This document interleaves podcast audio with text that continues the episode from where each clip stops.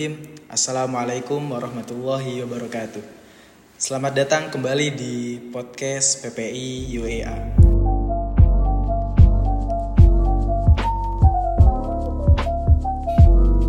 Lo lagi dengerin gue Khotob Solihin dan tentunya gue lagi nggak sendirian nih. Gue ditemenin sama seseorang yang udah cukup lama hidup dan belajar di negerinya para sultan di Qatar. Dan kayaknya bentar lagi beliau juga bakal jadi sultan nih. Oke, langsung aja. Please welcome Bang Fakih Mukhlis. Assalamualaikum Ya, Bang, apa kabar? Waalaikumsalam warahmatullahi wabarakatuh. Alhamdulillah sehat. Khotob ya. Gila. Iya, betul banget.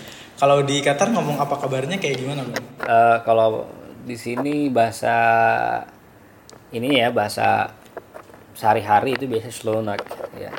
Shilona. Slow ya slonak atau ya apa aja sih sebenarnya ya bisa kef halak atau slonak.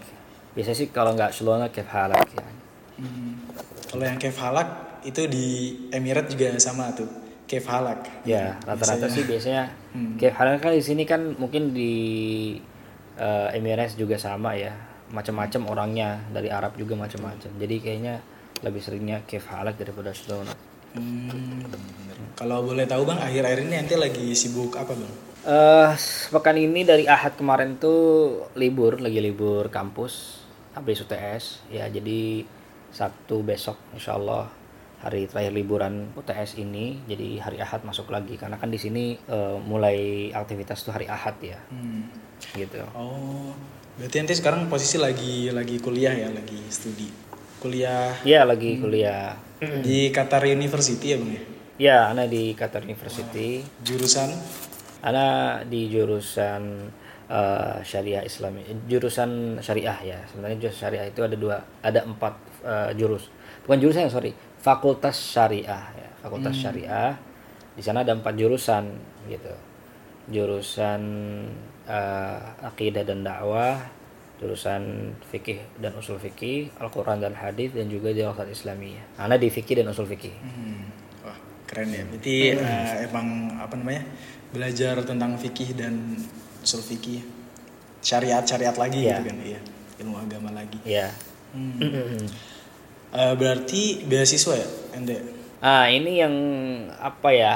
eh, sering salah paham ya. Sebenarnya banyak orang yang sering salah paham bahwa di sini tuh aneh sebenarnya nggak beasiswa gitu. Jadi eh, banyak yang menganggap bahwa Ana datang dari Indonesia langsung diterima di Qatar University dengan beasiswa full gitu ya. Eh, nggak seperti itu sebenarnya ya. Ini sebenarnya Ana ini juga eh, merasa berbeda dan bisa dibilang aneh juga. Artinya nggak sama dengan yang eh, biasanya gitu ya. Biasanya kan orang seperti itu eh, dari negaranya langsung dapat beasiswa tapi anak tuh jalannya berlika-liku dulu gitu ya.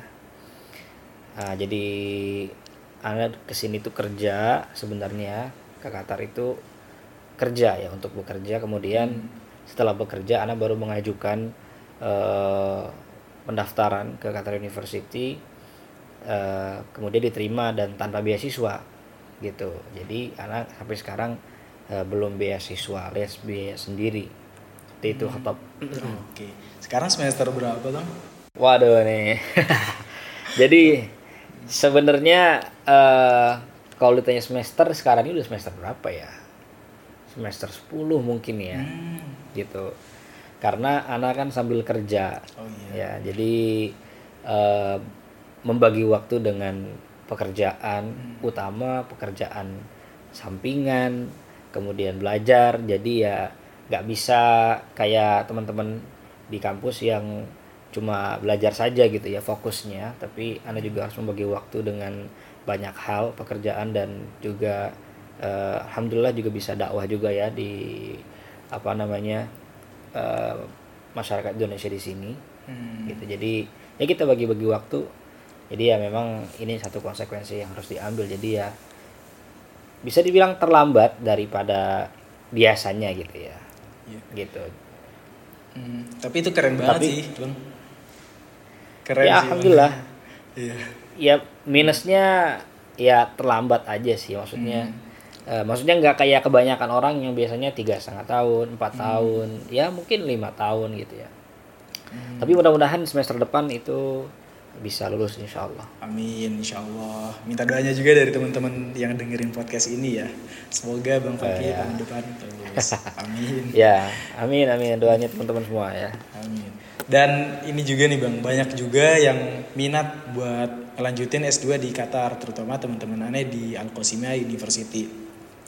Eh, ya, kalau boleh tahu eh, Bang Fakih ada ini nggak bisa ngasih sedikit info tentang beasiswa S1 ataupun S2 di Qatar? Banyak tuh yang tertarik, Bang. Ya, sebenarnya ada sangat banyak orang yang tertarik dengan beasiswa di Qatar ini ya.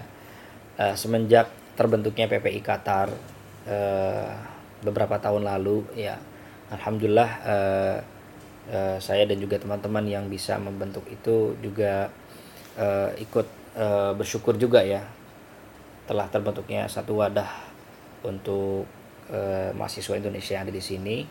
Sebelum sebelumnya itu nggak ada sebenarnya. Bukan nggak ada sih ada tapi sedikit sekali. Ya tapi karena mulai terpublish ya eh, sosial media kita kemudian banyak sekali yang bertanya gitu setelah kita mengadakan juga webinar-webinar untuk publik ya. Eh sebenarnya eh sudah banyak pertanyaan-pertanyaan pertanyaan yang seperti ini muncul ya. Dan itu bisa diakses juga. Mungkin teman-teman juga bisa mengakses di eh, YouTube channelnya PPI Qatar.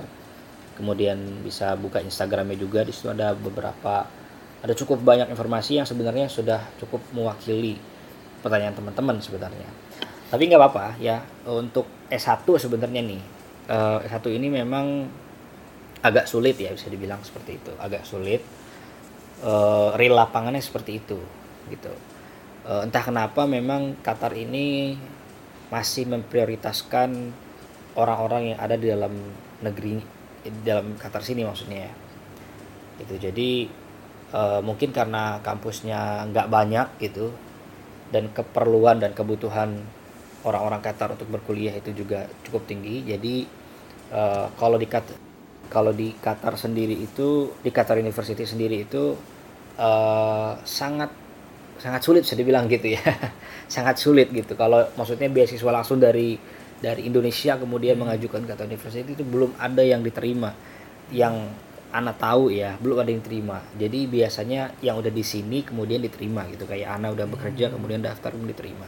Ada juga orang yang eh, teman ya ke, diterima di salah satu kampus eh, yang berada di bawah naungan Qatar Foundation Eh, salah satunya Carnegie Mellon. Nah itu ada juga mahasiswa kita beberapa yang memang langsung dari Indonesia dapat beasiswa. Ada juga satu dua saja. Tapi itu memang yang saya tahu ya eh, mereka memiliki nilai yang sangat sangat tinggi. Juga memiliki track track record yang luar biasa di Indonesia nya kayak misalkan juara olimpiade dan lain sebagainya yang semisal itu gitu ya jadi untuk S1 sebenarnya peluangnya nggak terlalu besar ya. Eh, ini sudah apa ya bukan pertama kalinya kita mengurus teman-teman yang eh, daftar dari Indonesia. Sampai sekarang pun saya masih mengurus pemulangan berkas mereka yang sudah sampai ke Qatar University ini. Jadi memang yang anda lihat eh, untuk S1 ini masih agak sulit ya. Karena sebenarnya memahami itu sebenarnya karena ya itu kembali lagi bahwa di sini kampusnya itu sedikit dan kebutuhannya banyak gitu jadi mungkin kampus itu melihat bahwa kalau kebanyakan orang dari luar mereka pasti kan akan keluar lagi Hmm. kembali ke negaranya tapi kalau yang dari sini ya kita negara ini perlu anak-anak bangsa ini yang nantinya Mengabdi, mereka juga akan iya. membangun ya mengabdi ya untuk negara ini Hmm, oke. ya jadi make sense sih seperti itu untuk S1 ya Kalau untuk S2-nya, Bang. Nah, untuk S2 ini sebenarnya cukup terbuka kalau dibandingkan dengan S1. Ya, terbuka. Dalam artian dia memang lebih banyak apa namanya mahasiswa Indonesia kita yang diterima di Qatar ini di total ya di seluruh kampus yang ada di Qatar itu S2 bukan S1 gitu ya. Nah, biasanya yang menerima itu Hamad bin Khalifa University. Itu udah langganan. Hampir setiap tahunnya ada orang kita yang datang ke Hamad bin Khalifa. Satu, dua, tiga, ya eh, empat orang itu ada saja yang datang.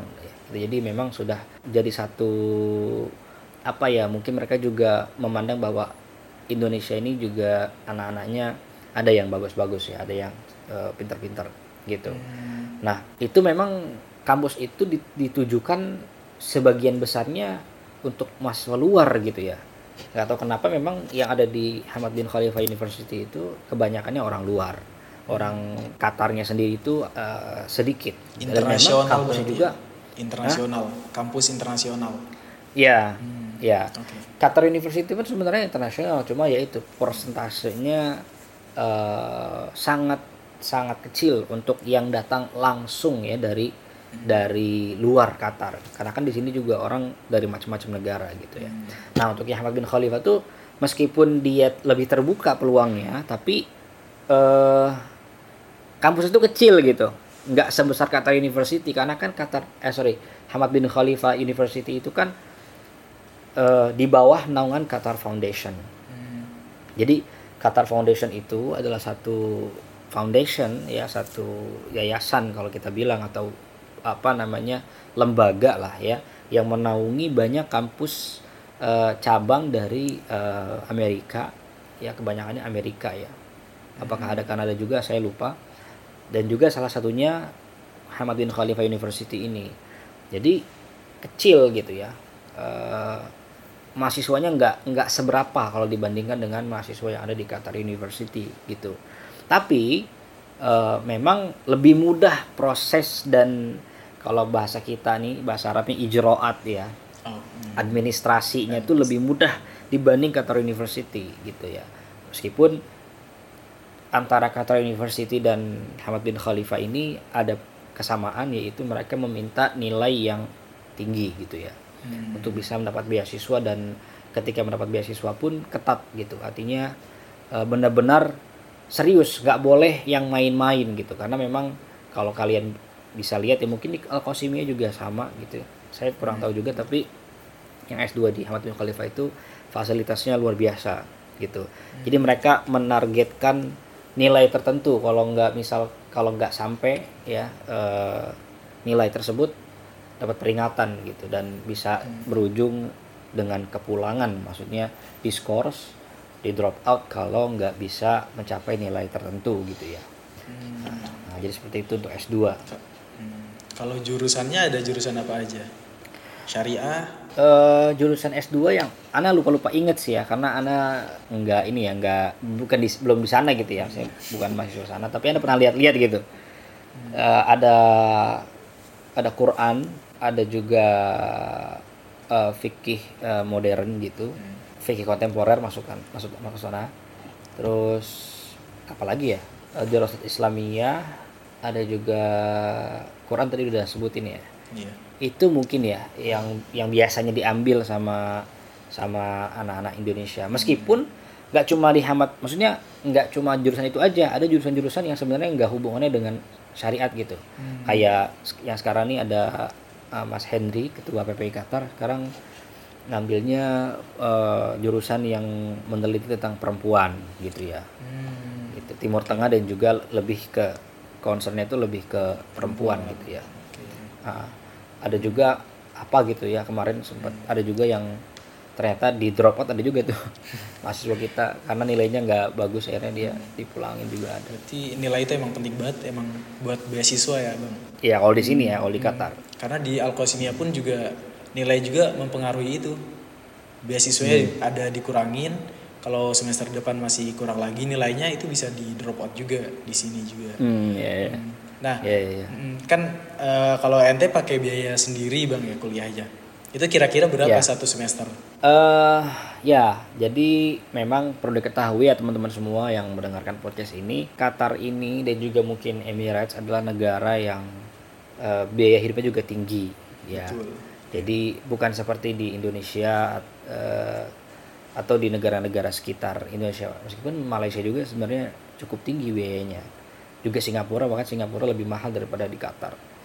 Nah, intinya adalah kalau di Qatar University, universitas negeri terbesar dan tertua yang notabene universitas termurah gitu loh di Qatar ini gitu ya bisa dibilang seperti itulah karena di negeri bukan swasta ya atau bukan bukan cabang dari eh, kampus di Amerika Kanada atau Inggris misalkan. Nah it- itu sebenarnya tergantung ini ya tergantung fakultas. Ya jadi masing-masing fakultas itu ada ada tuition fee-nya masing-masing gitu ya per credit hour atau per, per, per SKS jadi hitungnya per, per SKS di sini ya. Hmm. Nah gitu. Jadi ada yang S satu SKS-nya tuh aduh ana lupa tuh. Berapa ya? Eh satu SKS-nya ada yang 800 rial, ada yang 9 ada yang 1000 juga, ada yang mungkin lebih dari itu. Gitu. Jadi untuk eh satu semester eh satu semester itu minimal kan seorang mahasiswa itu ngambil 12 SKS itu minimal Hmm. nggak boleh kurang boleh lebih tapi nggak boleh kurang Hmm. jadi 12 SKS eh, pokoknya paling murah itu ana bayar kampus satu semester itu tiga eh, eh sorry seri- 9.600 kata rial itu tuition Hmm. fee aja ya tuition fee aja belum biaya buku dan kop, eh, fotokopi kalau misalnya ada Kalau- meskipun itu Hmm. Kalau dirupiahin berapa bang? Nah, kalau dirupiahin, katakanlah sekarang satu kata rial itu hampir 4.000 rupiah. Jadi 3.900 sekian kita genapkan saja 4.000. Kalau misalkan 4.000 dikali 9.600 itu sekitar ya keluarnya eh, 30 eh, ya 39 ya juta. berarti ya. 39 juta. Wow. Lumayan juga ya, gede banget. Dari 36 sampai 40 lah, kurasa bisa kayak gitu. Hmm, oke. Dari punya 36 sampai 40 juta satu semester. Wow. gitu Lumayan juga jadi ya, Bang. ya Gede bukan ya. lumayan lagi gitu itu lebih gede daripada fakultas kedokteran yang ada di banyak kampus di Indonesia. Iya. gitu. betul. jadi kalau nggak pakai beasiswa misalkan dari Indonesia langsung itu sangat berat. Anak pun sebenarnya di sini berat ya dengan pekerjaan yang ada. Karena di sini eh, merasa cukup berat ya. Tapi alhamdulillah ada ya beberapa teman-teman di sini yang juga membantu Ana sebenarnya. Ya ada beberapa teman-teman yang membantu Ana untuk membiayai tuition eh, fee Ana per semesternya. Jadi Ana pun itu masih dibantu gitu. Kalau mengandalkan eh, pekerjaan Ana itu Ana juga mungkin nggak sanggup untuk bayar gitu. Hmm. Berarti ente udah hidup, udah berapa tahun tinggal di Qatar? Eh, di Qatar ini sekarang masuk ke ta- tahun ketujuh. Ya jadi udah enam tahun sekarang tahun ketujuh dari mulai 2015 akhir ya Hmm, kalau 2015 kalau kehidupan di sana tuh eh, gimana bang? Apalagi kan ini deket-deket ini mau ada Piala Dunia nih. Ada kayak hal yang beda nggak sih? Ya. ya, memang gini ya. Entah mengapa yang pengen ke Qatar ini semakin banyak ya. Memang itu kita ketahui setelah kita membuat uh, PPI Qatar ya. Karena kan kita juga jadi tahu ternyata ada banyak uh, teman-teman kita di Indonesia yang mau ke Qatar. Tapi lebih banyak lagi ketika mungkin uh, mereka tahu kat- kalau Qatar itu juga uh, akan jadi tuan rumah Piala Dunia di tahun ini gitu. Gitu. Dan mungkin beberapa tahun ke belakang eh, ada banyak berita tentang Qatar ya, berita-berita yang sifatnya tuh positif tentang Qatar bahwa Qatar tuh A B C D gitu loh yang eh, sempat banyak juga tersebar tuh di japri-japrian WhatsApp itu ya. Eh, kemudian Qatar akan jadi host eh, Piala Dunia dan lain sebagainya. Nah, itu jadi semakin membuat banyak teman-teman Indonesia tuh pengen ke Qatar gitu. Nah, saya jadi bingung nih ini ke pengen ke Qatar ini karena apa? Karena belajar atau karena pengen nonton bola atau karena apa gitu loh. Nah, gitu. Jadi eh, ya pasti pengen belajar, cuma mungkin ada hal-hal yang i- leb- apa ya menjadikan dia tuh lebih ingin ke Qatar gitu. Tapi ya itu it's okay gitu ya. Kalau di Qatar sendiri? Oh ya, Eh, gimana Tadi bang? perubahan soalnya ya. Hmm. Sorry sorry. Nah, jadi eh, perubahan ya drastis ya. Sebenarnya drastis. Jadi anak ketika ke sini itu kan 2015 akhir. Ya, itu aja sudah cukup rapi ya eh, tata kota Qatar itu. Cukup rapi lah. Tapi setelah eh, apa namanya proyek Piala Dunia itu um, dimulai itu semuanya berubah. Udah kayak ini ya avatar gitu. Semuanya berubah. Apa namanya ketika Piala Dunia datang gitu. Pokoknya drastis banget. Sampai anak tuh inget gitu. Kalau kalau naik mobil nih lagi jalan naik mobil gitu ya. Wah ini dulu nggak kayak gini gitu. Wah ini udah beda banget gitu. Ini dulu di sini ini dulu di sini. Wah ini dulu nggak ada. Sekarang apa namanya eh ngebut Jalan- gitu ya bang? jalanan tuh bertingkat iya sangat ngebut. Ya, jadi jalanan itu bertingkat tingkat. Jadi ada berapa tingkat jalanan itu ya? Satu dua tiga mungkin empat tingkat gitu ya. Dulu biasa aja gitu jalanan ini nggak ada apa-apa. Tapi sekarang tuh kayak ya cukup banyak lah perubahannya. Sangat drastis pangling lah pangling. Hmm, karena mempersiapkan Piala Dunia juga ya bang? Iya. Hmm, asik juga ya di sana. Kalau wisata di sana ada apa aja bang? Barangkali ente juga pernah ke salah satu tempat wisatanya. Wisata di sini ada beberapa tempat yang cukup menarik untuk dikunjungi sebenarnya di Qatar ya. Tentunya kalau di Arab ini kan secara umum ya yang paling menarik itu kan gurun pasir ya, Hmm, betul. Gurun pasir. Ada di sea line sana. Jadi Qatar punya satu gurun pasir yang langsung bersebelahan dengan laut gitu. Nah, itu cuma ada dua kalau nggak salah di dunia itu. Jadi Qatar salah satu jadi sangat sangat indah sebenarnya. Gurun pasir sebelahnya langsung laut. Sebenarnya itu juga dulu sejarahnya Emirates juga ingin mengakuisisi itu gitu. oh yang oh dekat Emirat berarti ya tempatnya Khurul Udaid ya. Eh, ya perbatasan, tapi masih cukup jauh sebenarnya, masih cukup jauh tapi ya eh, bisa lewat situ meskipun itu kan gurun ya, bukan jalan gitu, tapi memang sudah berdekatan dengan Nah, itu satu. Eh, kemudian ada Katara Cultural Village, kemudian ada juga benteng-benteng ya bekas perang dulu gitu, benteng zaman dulu, kemudian eh wisata alam lagi tuh kayak ada eh apa taman bukan taman ya apa sih namanya itu? Yang di laut itu hutan bakau ya sedikit gitu. Kemudian ada Purple Island kemudian sama wisata-wisata yang sifatnya itu dia bukan alam gitu ya. Buatan ya? Eh, buatan gitu ya. Eh, kayak water park gitu ya terus hal-hal yang sifatnya buatan itu eh, ada ya. Tapi meskipun seperti itu ya wisata wisata di sini tidak sebanyak yang ada di Indonesia jelasnya gitu jelas lah gitu iya betul ya jadi kalau dibandingin dengan di Indonesia yang nggak ada apa-apanya gitu ya di sini ya tapi memang ada juga hal yang tidak ada di Indonesia gitu ya kayak gurun tadi gitu ya Hmm. Iya.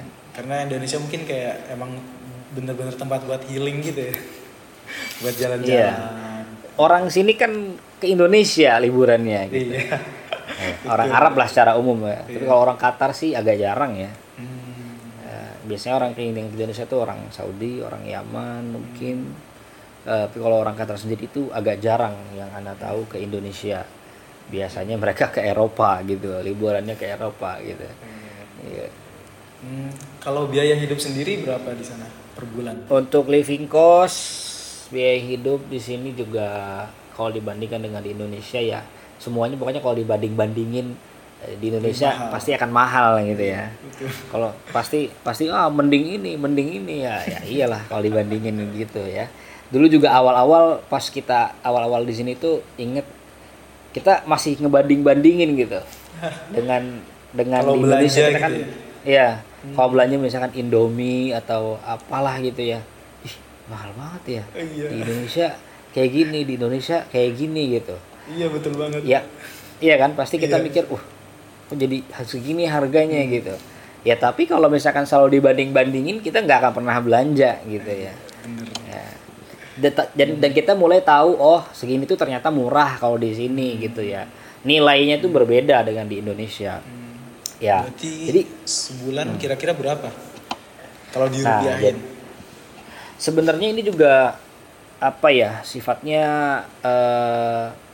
nggak Tergantung tentu gitu Hmm. ya? Tergantung orang. Kan pertama dari tempat tinggal di mana dia tinggal. Apakah dia misalkan kalau mahasiswa dia tinggalnya di asrama eh, kampus misalkan. Terus makanannya sudah disediain dari kampus jadi nggak ngapa-ngapain. Ada bisnya ada yang nganterin ada segala macamnya nah itu sangat sangat kecil biayanya gitu. Nah, tapi secara umum, ini secara umum ya orang-orang yang tinggal di luar kampus alias orang yang be- bekerja di sini itu untuk biaya ngontrak saja misalkan di apartemen atau di eh, satu kamar gitu ya apa eh, studio gitu ya. Hmm. Kalau bahasa bahasa kitanya kosan gitu ya. Tapi meskipun di sini kayak nggak ada sih kosan yang kayak di Indonesia tuh apartemen gitu ya Ya. sana. Kalau di kita kan kosan ya kosan beneran kosan gitu, kamar doang gitu ya maksudnya. iya Nggak apa namanya eh, cuma kamar sama paling kamar mandi di dalam gitu. Jarang ada kosan yang bener-bener mus- ada nggak sih ka- kosan yang kamar, kamar mandi, dapur segala macam kan jarang banget ya kalau benar jarang banget. Ya kalau itu hitungannya jadi apartemen gitu kalau di kita. Nah, di sini untuk di Doha sendiri ya harga apartemen itu atau studio gitu yang satu kamar ya satu kamar ada dapur dan kamar mandi itu kalau untuk di Doha itu rate-nya dari 3.500 sampai 5.000 sampai 4.400 lah. Ya katakanlah 5.000 jadi satu bulan ya. Jadi satu bulan itu paling murah 3 kali 4 12 12 juta. Paling murah. Itu hanya untuk eh, sewa tempat tinggal. kontrakan aja lah kalau kita kitanya bahasa kita kosan aja gitu. Belum kalau misalkan belum ini ya eh, transportasi ya. Eh, kalau kita punya mobil kita harus beli bensin. Tergantung mobilnya lagi tuh. Mobil mobil mobil apa gitu kan kemudian servis servis mobil belum makan itu belum makan ya. Eh, biaya makan. Jadi paling murah mungkin kalau ngirit banget itu 15 juta mungkin kalau ini ya sebulannya mungkin bisa lebih. Jadi 15 sampai 20 juta mungkin eh, sebulannya. Wow. gitu. Sangat-sangat mahal emang negeri para sultan. Sangat-sangat mahal. Kalau dibandingkan dengan di Indonesia 20 juta itu ya maksudnya 20 juta itu orang bisa beli apa aja gitu sebulan ya kan kalau di bisa sini ke Labuan Bajo Raja Ampat ya, bisa kalau sekarang lagi ada event nih Mandalika ya kan Eh, iya, MotoGP betul. ya. Mandalika Nah, 20 juta itu udah dapet tiket yang paling tinggi kelasnya gitu kan. wow Gitu. Tapi kalau di sini tuh 20 juta tuh buat biaya sebulan gitu loh. Hmm. Kalau ini ya kalau bayar semuanya gitu.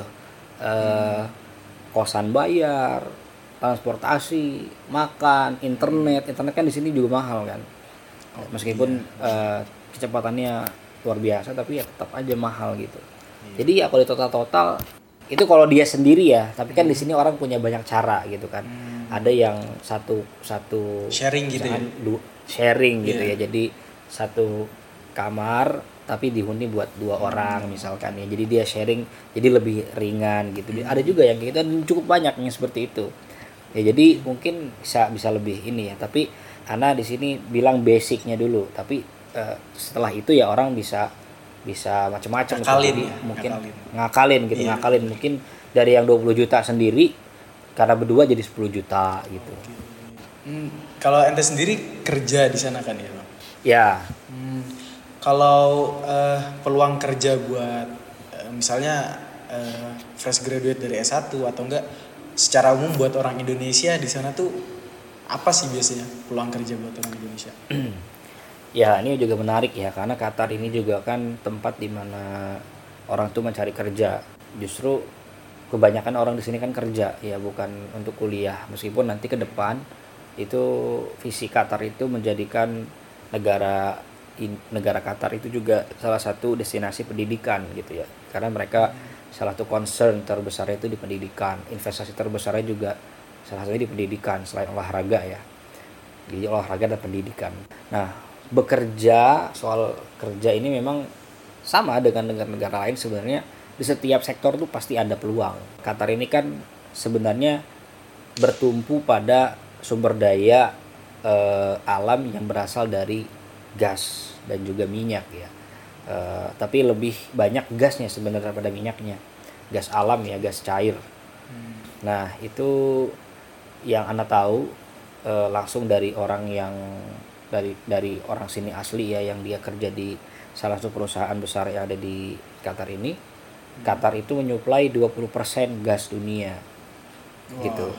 Jadi kebutuhan gas dunia 20% dari Qatar dan Qatar itu negara yang sangat-sangat kecil kalau dibandingkan dengan Indonesia. Jadi luas Qatar itu hanya seprovinsi Banten aja. Hmm, iya. Ya. Bayangkan aja 20% gas dunia, luas wilayah segitu orangnya cuma sekitar 2,8 juta. Gitu. Jadi bisa dibayangkan ya betapa banyak uangnya gitu kalau kita bicara soal yang makro dulu gitu ya. Nah, itu kerjaan yang mungkin yang paling prestisius gitu di Qatar kalau orang bisa masuk ke uh, Minyak. perusahaan oil and gas gitu ya. Di sini ada Qatar Energy yang dulunya Qatar Petroleum, ada Qatar Gas ya dulunya ada Rasgas ya, cuma sekarang udah merger kalau nggak salah. Ya. Kemudian ada banyak perusahaan minyak ya dari luar juga ada eh, Total, ada eh, Shell, ada banyak ya di sini juga ada Oryx. Oryx ini eh, perusahaan yang multinasional kayaknya. Maksudnya eh, ya mungkin nggak tahu juga sih ya, tapi mungkin banyak juga yang dari maksudnya gimana ya eh, gabungan mungkin ya antara perusahaan di sini dan perusahaan di luar itu perusahaan-perusahaan oil and gas tapi nggak cuma itu aja di Qatar itu juga sama maksudnya semua lini pekerjaan itu ada kesehatan pendidikan yang jadi guru yang jadi dokter yang jadi perawat yang jadi supir taksi misalkan. Ada juga ya apa namanya asisten rumah tangga juga cukup banyak gitu ya. Dan hampir di semua lini tuh kita ada juga sebenarnya ya. Orang Indonesia meskipun orang Indonesia. Meskipun kadang tuh kita udah menebak gitu ya ada stereotip tertentu. Kayak misalkan kalau kasir Filipin gitu kan Iya. Ya, kalau kasir kebanyakan Filipin gitu. Kalau perawat kebanyakan kebanyakannya Filipina gitu. Indonesia ini memang nggak ada yang tertentu sih. Justru Indonesia ini masih kebanyakannya ya yang bekerja di rumah gitu atau asisten rumah Oh tangga. iya. masih dikenal stereotipnya seperti itu gitu. Meskipun kita ada di banyak bidang ada di banyak lini ya tapi stereotip orang tentang Indonesia itu kebanyakannya masih berpikir bahwa Indonesia itu kebanyakannya di asisten rumah tangga. Hmm, Iya, rata-rata di negara Teluk Arab kayak gitu ya orang Indonesia dianggapnya. ya. Di sini pun gitu. ya di ya di ya di hampir semua negara teluk ya. nah tadi baik lagi sorry ke pertanyaannya ya soal peluang eh, pekerja gitu ya.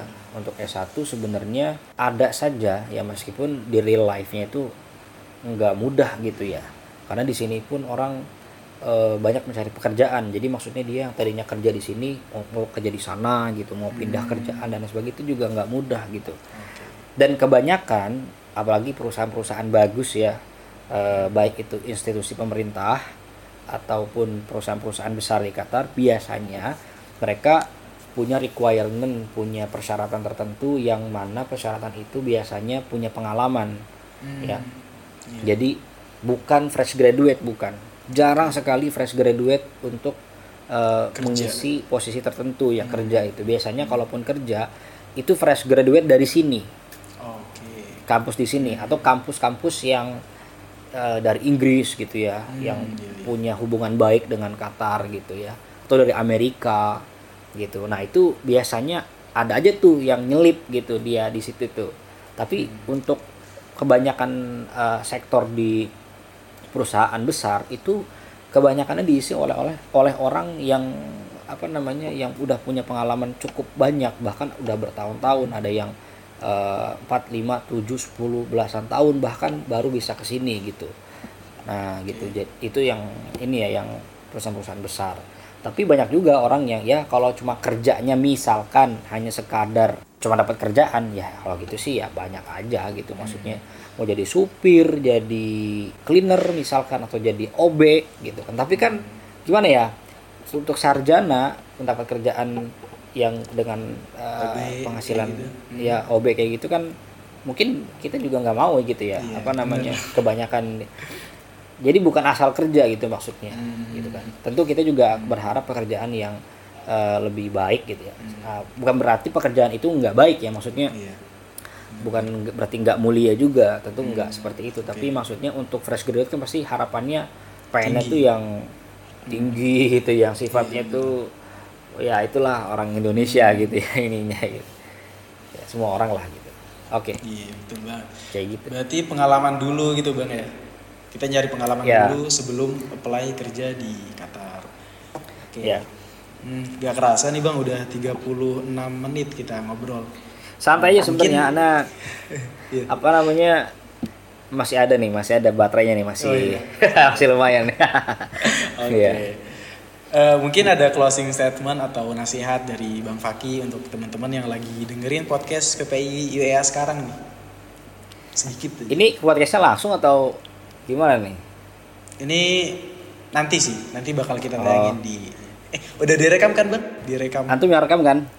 Yang ya oh maksudnya yang oke, dari oh iya sudah. voice memo Sudah, sudah, sudah. aman. Oke. Iya, nanti bakal Santai, kita santai. Closing statement. Ya jadi apa ya alhamdulillah sebenarnya Ana bersyukur ya bisa ada di Qatar meskipun eh, pada awalnya Ana sama sekali nggak mengira nggak ada sama sekali terbersit dalam pikiran Ana tuh ingin ke Qatar gitu karena ya Ana pengennya seperti kebanyakan orang kebanyakan teman-teman yang kuliah gitu ya yang sama-sama lagi gitu kan pasti asik lah kalau sama teman-teman lah gitu. Tapi qadar Allah ternyata Allah punya cara lain. Jalan anak tuh berlika-liku gitu ya. Eh, It's nine o'clock. jadi makanya sorry ada gangguan sedikit. Jadi anak tuh kadang juga merasa kok berbeda dengan yang lain gitu. Maksudnya nggak sama jalannya gitu. Dan anak juga merasa apa ya eh, sendiri gitu. Karena emang beneran apa yang anak kan alumni Husnul ya. Eh, dari Husnul SMA-nya Al Kahfi juga SMP Al Kahfi Bogor gitu ya. Oke. juga alumni Wadi Mubarak juga di Mega Mendung. Nah itu nggak ada sama sekali teman yang dari satu alma mater baik itu dari SMA, SMP, SD, TK gitu ya. Itu nggak ada gitu. Teman anak tuh bapak-bapak semua. Gitu. Nah apa namanya? Jadi seperti itu. Anak mau kuliah tuh harus bekerja dulu gitu kan. Caranya tuh bener-bener yang nggak disangka-sangka sama anak pun anak nggak nyangka gitu kok. Caranya seperti ini gitu ya. Ya, harus seperti ini gitu. Tapi di balik itu semua ya itu ada sangat banyak hikmah yang bisa anak ambil gitu yang bisa anak petik gitu ya Eh, justru anak bersyukur dengan kondisi yang diberikan Allah eh, kepada anak yang seperti ini gitu. Ya ada banyak sekali eh, hal yang boleh jadi belum didapatkan sama teman-teman yang mungkin langsung kuliah gitu ya. Hmm, Oke. jadi kuliah sambil bekerja ini memang dinamikanya seperti ini tapi anda mendapat eh, cukup banyak pengalaman dan hikmah gitu ya dari kehidupan yang anda jalani sekarang di Qatar.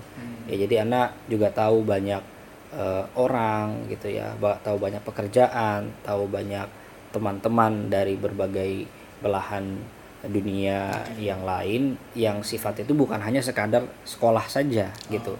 Tapi dia juga menjalani kehidupannya gitu ya pekerjaannya mengenal banyak orang dari segala macam eh, jenis. Maksudnya pekerjaan kemudian dari mana dia berasal kondisi ekonominya seperti apa itu anak dapatkan dan anak bisa jadi menilai gitu oh ternyata harus seperti ini artinya harus seperti ini. Justru anak sangat bersyukur ya sangat bersyukur bisa ada di titik ini meskipun ujiannya juga sebenarnya banyak gitu ya maksudnya ujiannya cukup banyak gitu ya tapi ya alhamdulillah ana syukuri saja ya mudah-mudahan ini menjadi milestone ya artinya batu lompatan eh, ke depannya buat anak. Oke. Semua semua orang punya jalannya masing-masing Ah. gitu kan, Bang. jadi maksud anak tuh gimana hmm, tinggal gimana caranya kita ngejalanin kehidupan Betul. kita dan mensyukuri. betul. Jadi teman-teman semua eh, yang mendengarkan podcast ini sorry ya tadi belum ke intinya gitu. Teman-teman itu ketika sudah lulus SMA jangan pernah bersedih dengan kondisi teman-teman yang ada saat ini gitu. Justru kehidupan teman-teman itu baru dimulai ketika itu gitu. Kadang eh, kalian merasa bahwa oh kok gue misalkan beda dengan yang lain. Kok gue belum kuliah? Kok gue misalkan belum dapat kerja? Kalau yang udah kuliah sekarang itu sama sekali apa namanya gak mengurangi apa ya nilai lo gitu. Maksudnya jalani aja dan syukuri dan apa berusaha maksimal gitu. Belum tentu yang kerja sekarang itu lebih baik. Belum tentu yang lulus sekarang itu juga lebih baik gitu. Jadi masing-masing tuh punya jalannya dan punya ceritanya masing-masing. Jadi yang paling penting itu adalah bagaimana kita berusaha semaksimal mungkin untuk menjadi diri kita dan menggapai apa yang kita mau itu aja nggak usah terlalu mementingkan eh, kehidupan orang lain gitu ya gitu sih Oke. Kalau ada ada teman aneh yang bilang ke aneh, jangan jadi perfeksionis tapi jadilah maksimalis. oh gitu ya Lakukan Bang. semaksimal mungkin. iya betul teman. betul betul Oke. Makasih buat Bang Faki ya udah nyempetin Iya, iya. waktunya buat Masya podcast PPIUEA. Semoga sehat selalu ya Bang. Amin, Dan amin. semoga, Semoga senang kerjanya juga. lancar. Allah amin Semoga studinya juga lancar. Amin. Tahun depan semoga bisa lulus. amin Dan salam buat teman-teman di Qatar dari PPIUEA. siap wah Oke. ini yang Siap, saya sampaikan ya. Oke. Iya. Dan makasih juga buat teman-teman yang udah dengerin podcast PPIUE episode kali ini. Semoga teman-teman yang dengerin juga sehat selalu dan Amin. dilancarkan Amin. semua urusannya. Amin. Sampai jumpa lagi di podcast PPIUE selanjutnya. Wassalamualaikum warahmatullahi wabarakatuh. Bye bye.